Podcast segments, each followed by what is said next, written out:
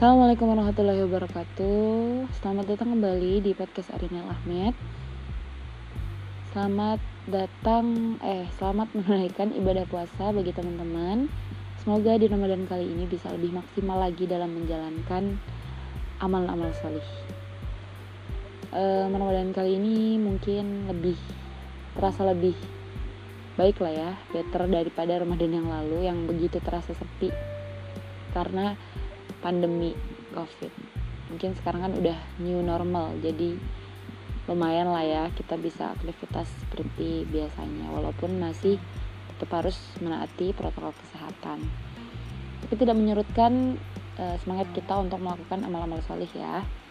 Jadi kita membahas di sini adalah amal-amal sunnah ketika bulan Ramadan.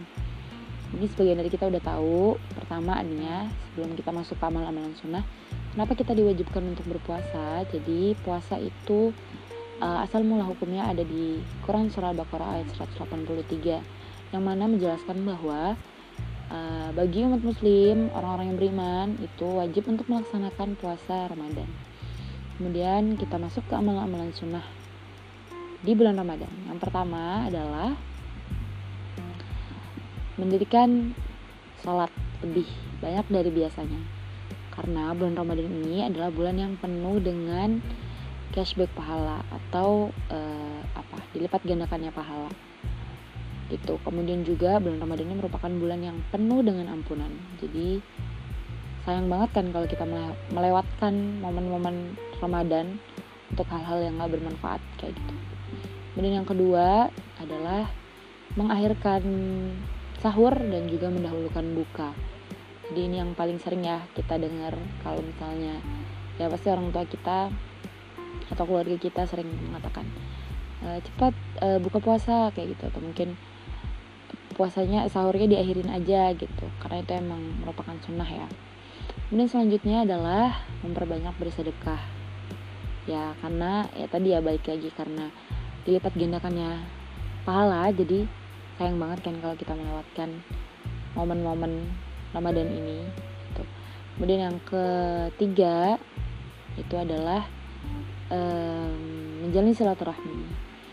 Ini sebenarnya ya setiap kita juga tahu lah ya menjalin silaturahmi itu hukumnya apa gitu kan.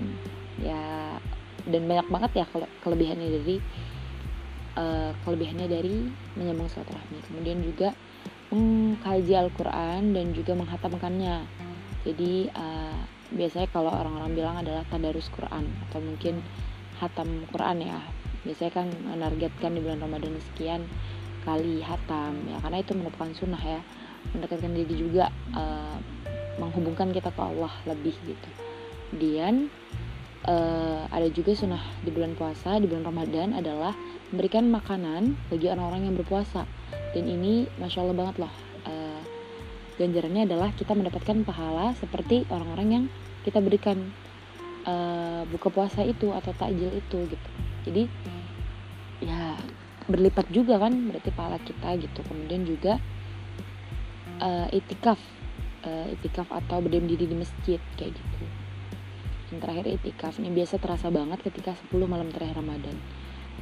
Ya nggak sih? Kayak momen-momen bener-bener yang menghabiskan waktu untuk uh, terhubung ke Allah gitu. Ya semoga kita diberikan umur bisa sampai ke 10 malam terakhir Ramadan. Uh, mungkin sekian dari saya. Semoga bermanfaat. Selamat menjalankan ibadah puasa. Semoga lebih maksimal lagi dan lagi.